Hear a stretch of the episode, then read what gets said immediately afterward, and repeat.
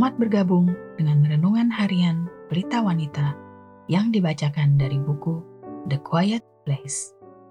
Pembacaan Alkitab hari ini diambil dari Ulangan 28 ayat 47 sampai dengan 49.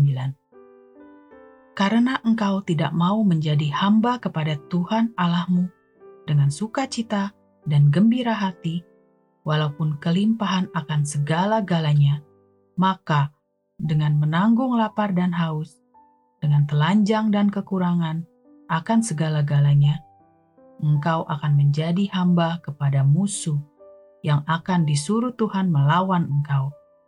Ia akan membebankan kuk besi ke atas tengkukmu, sampai engkau dipunahkannya. Tuhan akan mendatangkan kepadamu suatu bangsa dari jauh, dari ujung bumi seperti Raja Wali yang datang menyambar, suatu bangsa yang bahasanya engkau tidak mengerti. Ayat kunci hari ini adalah dari ulangan 28 ayat 47 sampai dengan 48. Karena engkau tidak mau menjadi hamba kepada Tuhan Allahmu dengan sukacita dan gembira hati, maka engkau akan menjadi hamba kepada musuh yang akan disuruh Tuhan melawan engkau. Kuasa musuh. Apakah Anda tidak mau tunduk pada kuasa Allah? Mungkin dalam pernikahan, Anda bertekad untuk merubah pasangan Anda atau menolak untuk menerimanya sebagai pilihan Allah untuk hidup Anda atau menolak tanggung jawab yang Allah berikan untuk Anda dalam relasi itu. Mungkin ada suatu pertempuran untuk berkuasa dalam relasi yang lain dengan orang tua, anak, pegawai, pendeta, atau teman Anda. Mungkin Anda menolak hak Allah untuk mengendalikan tubuh Anda, kebiasaan makan, tidur, olahraga, atau bersikap. Atau mungkin lidah Anda, waktu Anda, rencana masa depan Anda, atau keuangan Anda. Maka percayalah, hal-hal yang tidak mau Anda serahkan justru menjadi musuh yang menguasai Anda. Nafsu, kekayaan, makanan, kemalasan, kebejatan moral, kemarahan, dan kuasa-kuasa lainnya.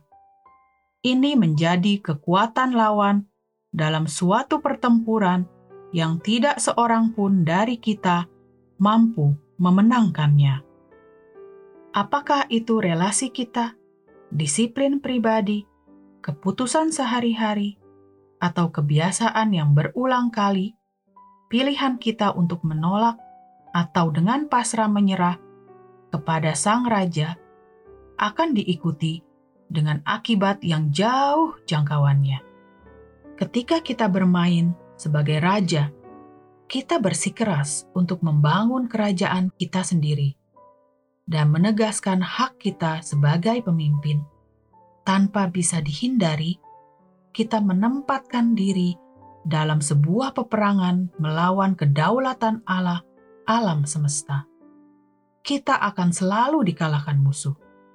Tetapi ketika kita tunduk kepada ketuhanannya, ketika kita mengakui kerajaannya sebagai yang berkuasa, ketika kita berserah kepada pengaturannya yang adil dan kasih, maka kita akan hidup dalam damai dengan Sang Raja dengan tenang dalam hadiratnya, akhirnya kita pun akan bebas dari kuasa-kuasa yang lainnya.